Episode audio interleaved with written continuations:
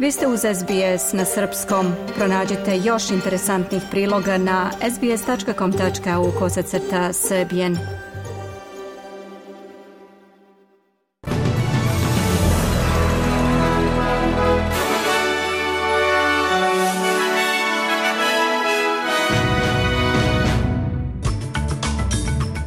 U Viktoriji počelo raščišćavanje posledica poplava, zajednice u okolini Šepartona i dalje ugrožene.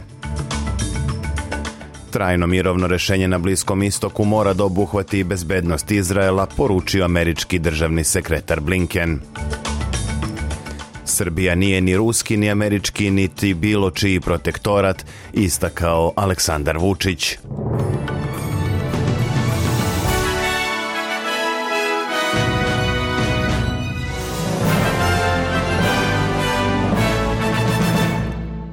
Situacija u delovima Viktorije koje su pogodile poplave se stabilizuje, ali upozorenja koja pozivaju na oprez su i dalje na snazi. U nekim zajednicama je u toku raščišćavanje štete i posledica poplava, dok su oblasti u donjem toku reke Golburn i dalje ugrožene.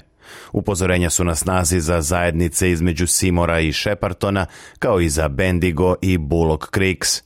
Vrh vodenog talasa u Šepartonu se očekuje tokom petka, a vlasti su upozorile da bi desetak kuća moglo da se nađe pod vodom ukoliko vodostaj dostigne očekivani nivo. Meteorolozi za narednih nekoliko dana najavljuju suvo vreme u Viktoriji, što bi trebalo da donese olakšanje za lokalno stanovništvo i službe za hitne intervencije. Savezna vlada veruje da nema australijskih državljana koji su direktno ugroženi nemirima i sukobima do kojih je došlo u Papua Novoj Gvineji, izjavio je premijer Anthony Albaneze. Do nereda u Papu je došlo u sredu nakon što su pripadnici policije, vojske i državnih službi izašli na miran protest zbog spora s vladom oko plata. Međutim, protestu su se pridružili i mnogi drugi stanovnici glavnog grada Port Morsbija i grada Laje na severu države. Demonstracije su ubrzo postale nasilne, a mnogi su pokušali da iskoriste priliku za razbijanje prodavnica i krađu. U neredima je život izgubilo 15 ljudi, 8 u Port Morsbiju i 7 u gradu Lae. Australijski premijer kaže da vlada u ovom trenutku ne veruje da ima Australijanaca zahvaćenih sukobima, ali da se situacija u Papuji pomno prati. Uh, Visoki komesar u Port u prati šta se tamo dešava, vodeći računa da građani Australije budu zbrinuti. Za sada nismo imali ni jedan zahtev od vlade Papue Nove Gvineje, ali ako bude trebalo, tu smo kao prijatelji, rekao je Albaneze. Advokat Jennifer Robinson kaže da je život njenog klijenta Juliana Assangea u opasnosti ukoliko njegova konačna žalba na ekstradiciju Sjedinjenim državama ne bude uspešna. Australijski novinar i osnivač sajta Wikileaks tražen je od strane Sjedinjenih država zbog navodne zavere i objavljivanja tajnih državnih informacija o nacionalnoj odbrani koji se odnose pre svega na ratove u Iraku i Afganistanu. 52-godišnji Assange je posljednjih 13 godina proveo u zatvoru ili u kućnom pritvoru, a posljednje četiri se nalazi u zatvorskoj jedinici Belmarsh u Londonu. Njegov advokat kaže da je Assange diagnostikovan i da pati od teške depresivne bolesti, zbog čega postoji opasnost da izvrši samoubistvo ako konačna žalba bude odbijena. Talasi unutrašnjih migracija u Australiji doveli su do toga da cena prosječnog stana u Brisbaneu premaši prosječne vrednosti nekretnina u Melbourneu. Nedavni podaci kompanije CoreLogic pokazuju da su troškovi za prosječnu nekretninu u glavnom gradu Queenslanda porasli za preko 50% od marta 2020. dok je Melbourne za isto vreme zabeležio povećanje od samo 11%. Stručnjaci kažu da učestale selitbe u Brisbane pokazuju želju sve više ljudi za sporijim načinom života nakon krize izazvane pandemijom covid -a. Šef istraživačkog tima Korlođika, Eliza Owens kaže da izgradnja novih stanova u Brisbaneu ne prati porast potražnje za stambenim objektima u ovom gradu. Tim povodom oglasio se i savezni premijer Antoni Albaneze koji kaže da vlada ima sveobuhvatan plan koji će obezbediti da ponuda stambenih objekata zadovolji potrebe potražnje širom Australije. Prelazimo na vesti sveta. Izraelsko bombardovanje centralne i južne Gaze je intenzivirano uprkos obećanju izraelskih vlasti da će preći na ciljane napade – Trenutno postoji posebna zabrinutost za jedinu preostalu funkcionalnu bolnicu u Gazi, al aqsa zbog borbi koje se vode u obližnjim područjima. U izraelskom vazdušnom napadu prošle noći ubijeno je najmanje sedam palestinaca u Deir al-Balahu u Gazi, a ranjeni su prebačeni upravo u bolnicu al aqsa a nakon što je izraelskom premijeru Benjaminu Netanjahu preneo poruku Vašingtona da prekine udare na civilne ciljeve u Gazi, američki državni sekretar Anthony Blinken sastao se i sa palestinskim predsjednikom Mahmudom Abbasom. Uoči susreta na okupiranoj zapadnoj obali, Blinken je rekao da će razgovarati o budućnosti palestinske vlasti, kao i o njenoj potrebi da se reformiše i poboljša pre nego što počne da upravlja posleratnom gazom. Blinken je istakao da trajno mirovno rješenje mora da obuhvati i bezbednost Izraela. Razgovaramo o tome kako da izgradimo trajni mir i bezbednost za Izrael u regionu. On naglašava da je premijeru Netanjahu preneo da svi partneri s kojima se sreo tokom ovog putovanja kažu da su spremni da podrže trajno rješenje kojim će se završiti dugotrajni ciklus nasilja i osigurati bezbednost Izraela, ali oni su istakli i da se to može postići samo kroz regionalni pristup koji uključuje put do palestinske države, naglasio je američki državni sekretar. Predstavnici velikog broja zemalja u Ujedinjenim nacijama pozivaju na hitan prekid vatre u Gazi. Oni su uputili poziv stalnim članovima Saveta bezbednosti da budu oprezni kada koriste pravo veta. Upozorenja su stigla tokom plenarnog sastanka Skupštine UN-a, održano kako bi se razgovaralo o odluci Sjedinjenih država da stave veto na predložene amandmane na rezoluciju o poboljšanju humanitarnog pristupa Gazi. Amandman koji je predložila Rusija predlaže da rezolucija obuhvati i poziv na obustavu neprijateljstava. Stalni predstavnik Irana pri Ujedinjenim nacijama Amir Saidi Ravani kaže da odluka da se uloži veto na ovaj amandman daje Izraelu nekontrolisanu slobodu za neograničeno i neselektivno bombardovanje Gaze. Zamenik stalnog predstavnika Južne Afrike pri UN-u, Martinus van Schalkvik, istakao je da međunarodna zajednica ima odgovornost da okonča nasilje u Gazi. Gaza iako je narodu Gaze potrebna sva moguća pomoć, konačni tekst ove rezolucije nije u skladu sa bolnom realnošću na terenu. Ne možemo dozvoliti da se besmisleno bombardovanje nastavi pod obmanjujućom i netačnom maskom prava na samoodbranu. Ako se mi kao međunarodna zajednica zaista nadamo da ćemo ublažiti patnje stanovnika Gaze, moramo tražiti hitan prekid vatre, rekao je predstavnik Južne Afrike.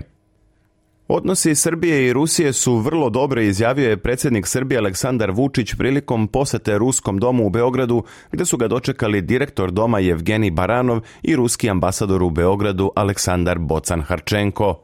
Prilikom obraćanja medijima Vučić je istakao da je Srbija nezavisna i suverena zemlja koja nije ničiji protektorat. Ovim rečima predsjednik Srbije odgovorio na komentar ministra inostranih poslova Velike Britanije Davida Camerona, koji je pred parlamentom te zemlje kazao da Rusija radi na destabilizaciji Balkana putem posrednika među kojima je i Srbija. Srbija je nezavisna i suverena zemlja. Nije proksi ni Rusije, ni Britanije, ni Amerike, niti Nemačke, niti bilo koga drugog. Srbija se diči svojom samostalnošću, i Srbiji, zato i jesam razočaran tom izjavom gospodina Kamerona, kao i pričamo o tome da ćemo mi da budemo ti koji destabilizaciju regiona provodimo. Očigledno da mnogima smetate kada želite da imate svoju politiku i kada ta politika nije poslušnička. Vučić je također izjavio da se ceo svet kao i region Balkana ubrzano naoružava i da Srbija ne zaostaje u tome. Sve što mogu da vam kažem to je da ne zaostajemo za drugima, uskoro ćete to moći da vidite, rekao je Vučić, komentarišući izjavu novog francuskog premijera da je njegov prioritet naoružavanje zemlje. Predsjednik Srbije je također naglasio da su albanski novinari sa Kosova pitali Amerikance šta misle o najavljenom uvođenju vojnog roka u Srbiji, na što su američki zvaničnici odgovorili da pomno prate situaciju. I ja pomno pratim sve što se zbiva svuda po svetu, i u Americi, i u Engleskoj, i u Francuskoj, i u Nemačkoj, i u Švedskoj, ali ne morate pomno da pratite da biste vidjeli da se svi naoružavaju do zuba, zaključio je Vučić.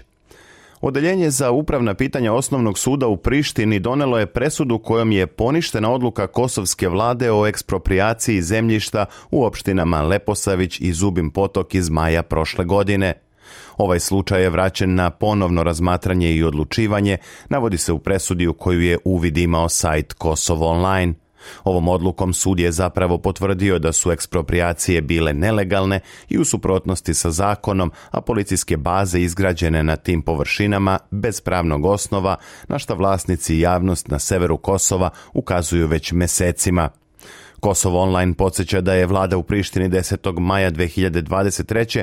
retroaktivno donela odluku o ekspropriaciji zemlje srpskih vlasnika, kojom je, kako tvrdi sajt, zapravo želela da opravda već izgrađene nelegalne policijske baze na severu. Advokat Nebojša Vlajić, pravni zastupnik više vlasnika i manja zahvaćenih ekspropriacijom, izjavio je da je odluka suda u Prištini trebalo da bude doneta znatno ranije, prenosi RTS. A u Ekvadoru je došlo do eskalacije nasilja dan nakon što su narkobande podmetnule niz eksplozija i držale zatvorske čuvare kao taoce – Preduzeća oko glavnog grada Kita su zatvorena, a ulice su prazne usled stalne neizvjesnosti.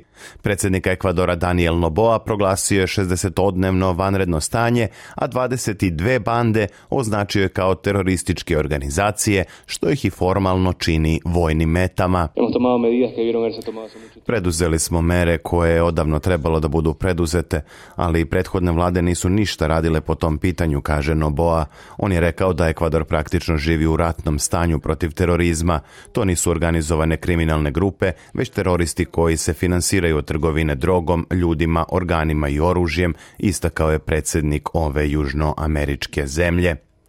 A bivši guverner New Jersey Chris Christie najavio je da će okončati svoju kandidaturu za republikansku predsjedničku nominaciju. Christie je odluku doneo nakon što nije uspeo da dobije podršku za kampanju sredsređenu na kritiku politike i lika Donalda Trumpa.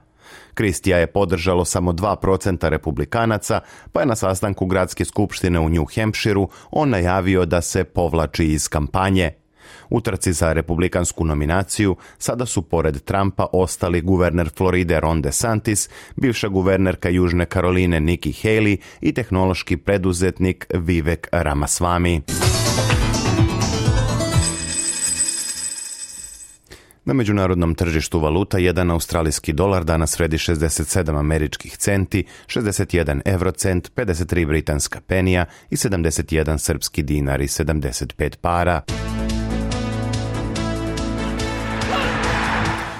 Srpski teniser Novak Đoković i Poljakinja Iga Švjontek postavljeni su za prve nosioce predstojećeg Australijan Opena u muškoj, odnosno ženskoj konkurenciji. Kod tenisera drugi nosilac je španac Carlos Alcaraz, a treći Rus Danil Medvedev. Kod teniserki Iza Švjontekove je za drugu nositeljku postavljena aktualna šampionka Melburna, beloruskinja Arina Sabalenka, a zatim sledi Elena Ribakina iz Kazahstana. Žreb za Australian Open bit će održan danas tokom popodneva. A također danas sa početkom u 18 časova po lokalnom vremenu na Rod Laver areni u Melbourneu bit će održan humanitarni spektakl pod nazivom Veče s Novakom i prijateljima. Pored najboljeg tenisera sveta Novaka Đokovića koji je domaćim večeri, publika će imati priliku da vidi i grčkog tenisera Stefanosa Cicipasa, beloruskinju Arinu Sabalenku i grkinju Mariju Sakari. Njih četvoro će odigrati meč mešovitih dublova koji će biti jedna od posljednjih uvertira pred starta Australijan Opena idućeg ponedeljka. A vaterpolisti Srbije plasirali su se u četvrt finale Evropskog prvenstva u Hrvatskoj pošto su pobedili Francusku rezultatom 14-10. Najefikasniji igrači na meču bili su srpski vaterpolisti Dušan Mandić i Radomir Drašović sa po četiri postignuta gola. Selekcija Srbije će se u četvrtfinalu šampionata sutra uveče sastati sa selekcijom Mađarske. Selektor srpskih delfina Uroš Stevanović izjavio je da će se njegov tim potruditi da se kao i na svetskom prvenstvu nađe među četiri najbolje ekipe. Poznat je još jedan par četvrt finala, također u petak sastaće se Crna Gora i Italija nakon što je crnogorski tim u doigravanju bio bolji od Nemačke 10 prema 5. Direktan plasman u četvrt finale obezbedili su još Španija i Hrvatska koje čekaju pobednike večerašnjih mečeva play-offa. Evo i vremenske prognoze za sutra. U Sidneju moguća povremena kiša, najviša temperatura do 29 stepeni. U Melbourneu razvedravanje i 31, a u Kamberi povremeno oblačno i 30 u petak u Adelaidu sunčano i toplo 35 stepeni, u Brisbaneu mogući kraći pljuskovi i najviše 30, dok se za Pert najavljuje sunčano i čak 37.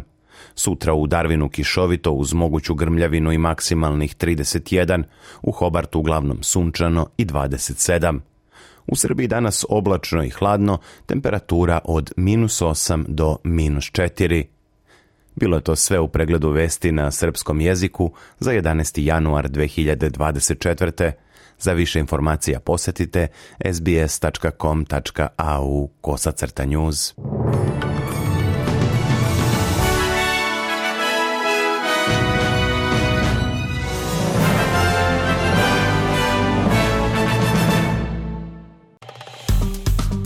Dajte like, podelite, komentarišite. Pratite SBS Serbian Facebook profil.